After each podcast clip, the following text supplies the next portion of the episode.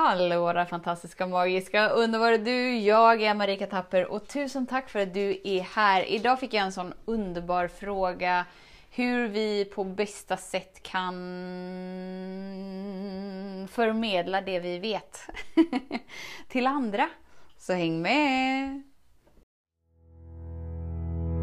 Så den stora frågan är, hur lär vi oss att älska oss själva utan att vara egoistiska och självgoda? Det är frågan och denna podcast den kommer ge dig svaren på det och mycket mer. Mitt namn är Marika Tapper och varmt välkommen till Hemligheterna bakom att älska sig själv. Frågan i det här fallet att handlade om, om barn. Så här, hur kan jag som förälder få mina barn till att veta allt det jag vet utan att liksom ha någon slags föreläsning med dem om det livet som jag har öppnat upp mig till nu. Föräldern kände det lite som att jag har liksom min lilla bubbla där jag har lärt mig sanningarna om livet och sen så har jag mitt, mitt familjeliv. Liksom, hur bygger vi bron och, och vad behöver vi säga och vad behöver vi vara? Och mitt svar blir som, som jag säkert har svarat här och som jag svar, svarar i andra sammanhang också. Liksom, att det, det handlar ju verkligen om att, att det är din närvaro som förälder. Har du nu inte barn så liksom byt ut barnen till, till dina nära vänner eller någon annan nära relation som du har. Att det är liksom ditt varande som är, som är det vackra. Inte det du gör utan det du tillåter dig att vara. Att barnen eller då de nära vännerna, de är ju här på sin egna unika själsresa. Och det finns liksom ingenting som du kan göra för att sabba det. Och om du har ett trosystem av att så här, okej okay, men nu har jag lärt mig sanningen av livet och det är det som är det rätta.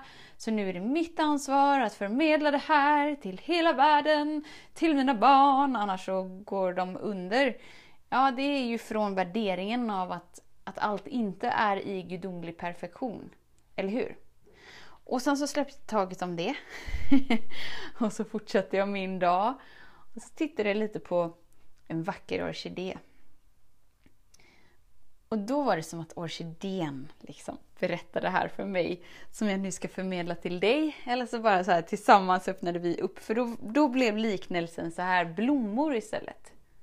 Om du byter ut dina barn till blommor.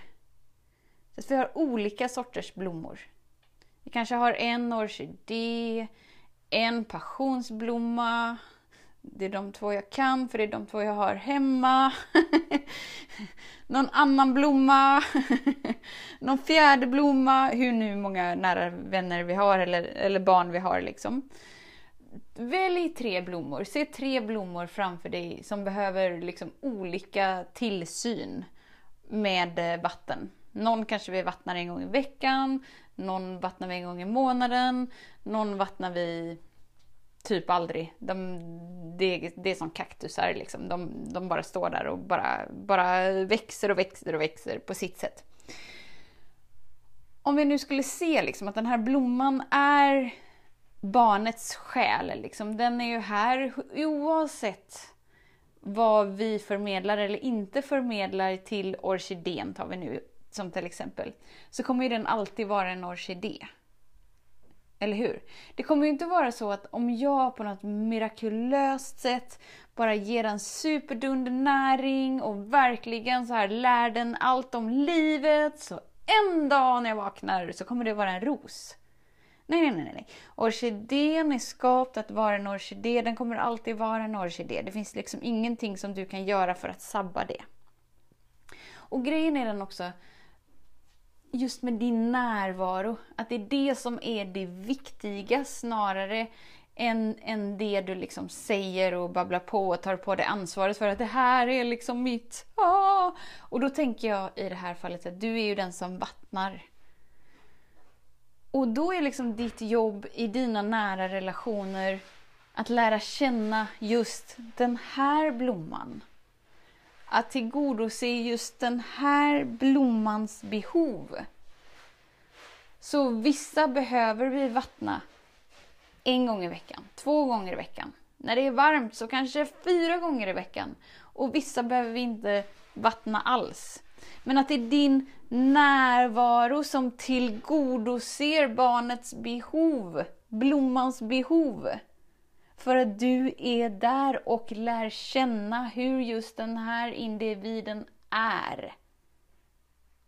Snarare än att jag som håller vattenkannan bara så här, okej, okay, nu är det upp till mig. Nu ska jag liksom ge den här blomman rätt mängd vatten samtidigt som jag måste berätta hur livet fungerar, hur universum fungerar, hur allt fungerar. Alltså, blomman bryr sig inte så mycket om ditt tunga ansvar som du har tagit på dig. Utan blomman dricker vattnet. som du med din närvaro går fram till blomman och vattnar och tillsammans så växer er relation in i något. För blomman har inget behov av att lägga på dig något som helst perspektiv om vad som är sant eller inte. Utan blomman bara hänger med dig och bara blommar ut för att du är i dess närvaro. Vad skulle vara annorlunda? Om vi för en stund bytte ut liksom våra barn till en orkidé kanske och en hibiskus och en... Ni ser, jag kan ju några till. Rosor och... Vad kan den där heta? Farmorstungan. och verkligen så här möta dem. Hej! Vem är du? Vad behöver du? Är, är du en sån där som behövs vattnas liksom tre gånger i veckan? Alltså en, en, en individ som behöver mycket närhet, mycket kramar, som har behov av massa, massa, massa av det? Eller är du mer som en kaktus, du är liksom självständig och kör ditt egna race och inte alls intresserad av den här mm, mysiga kramen och det. Och att det är upp till dig som förälder eller nära vän eller nära bekantskapskrets att vara det du är och möta den andra personen där de är. För att kunna bygga en relation så måste den andra personen veta att du har kapaciteten att möta dem där de är. Inte att du ska möta dem där du är. För då känner ju de sig... För då är det så som att du går fram till orkidén och bara så här.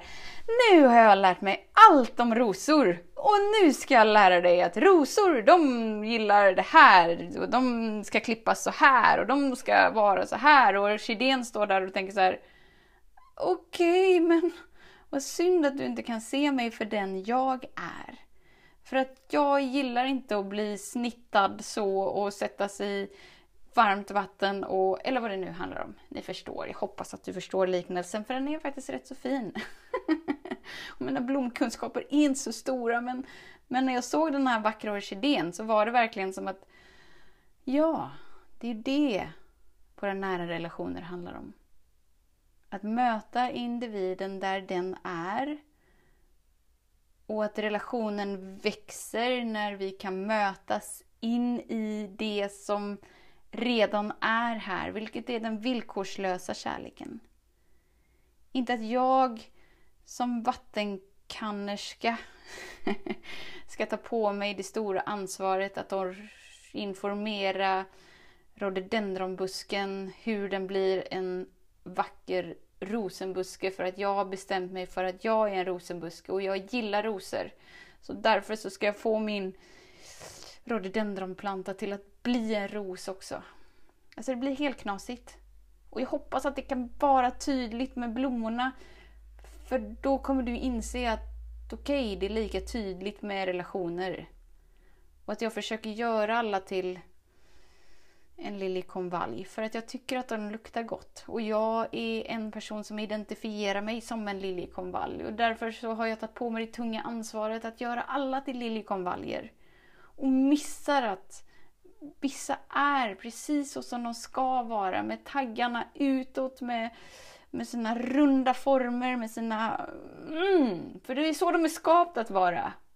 Och det är inte mitt ansvar att göra dem till något annat än det de är utan möta dem i det de är.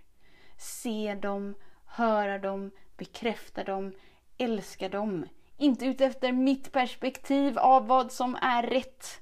Som att jag är mer rätt. Tänk om rosen bara skulle klättra fram till rhododendronen och bara så här, du bara så du vet så är jag mer rätt så nu gäller det att du lyssnar på mig för att jag har lärt mig en hel del om hur livet fungerar, om hur universum fungerar och om hur det här fungerar. Och nu tar jag på mig ansvaret att lära det här till alla blommorna här i det här blomsterlandet. Och rhododendron bara så här, eh, jag vet inte vad, vem du är, jag vet inte vad du gör här, men du bidrar inte så mycket till mig precis just nu. För att min själsresa, att vara en utslagen rhododendron, har liksom ingenting med din själsresa, att vara en utslagen ros. Kan vi inte bara hänga bredvid varandra? Kan vi inte bara ha kul tillsammans?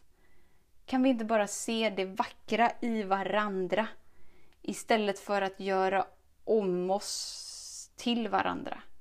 Det är knasigt. Det är väldigt normalt, men väldigt onaturligt. Och vad skulle vara annorlunda i dina nära relationer? Självklart i alla dina relationer, men det är ju de nära relationerna som vi gärna känner ett ansvar att det är mitt ansvar. Att alla ska slå ut och vara den rosen som jag har lärt mig att vara. Eller vad det nu än är. Du förstår, jag vet att du förstår.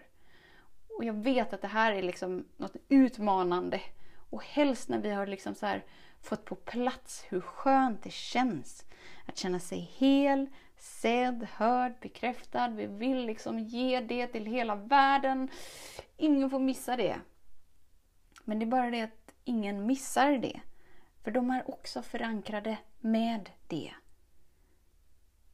Precis som gräset är förankrat i Moder Jord och det är björken också. Det är granen också. Det är lugnt. Slappna av. Ha lite kul tillsammans. Häng lite. Lär känna varandra lite. Mys lite och våga möta den andra personen där de är. Förstå inte det du förstår och försök få dem till att förstå det du förstår. Utan möt dem där de är. Och var den som vattnar på det sättet som de vill bli vattnade. Och simsalabim så har ni en ny relation som växer fram och du får möjligheten att prata med den nya blomman som växer in i mer och mer och mer och mer av sig själv. av sig själv! Inte för att du gör allting rätt utan den har tillgång till livskraften och växtkraften inom sig. Så tusen, tusen, tusen tack för din tid och för din vilja att vara här. Vet att jag ser dig, jag hör dig och jag älskar dig. Tills vi hörs igen, var snäll mot dig. Hej då! Hemligheten med kärlek är att den bor redan inom dig. Därför kan du nu sluta leta hos andra.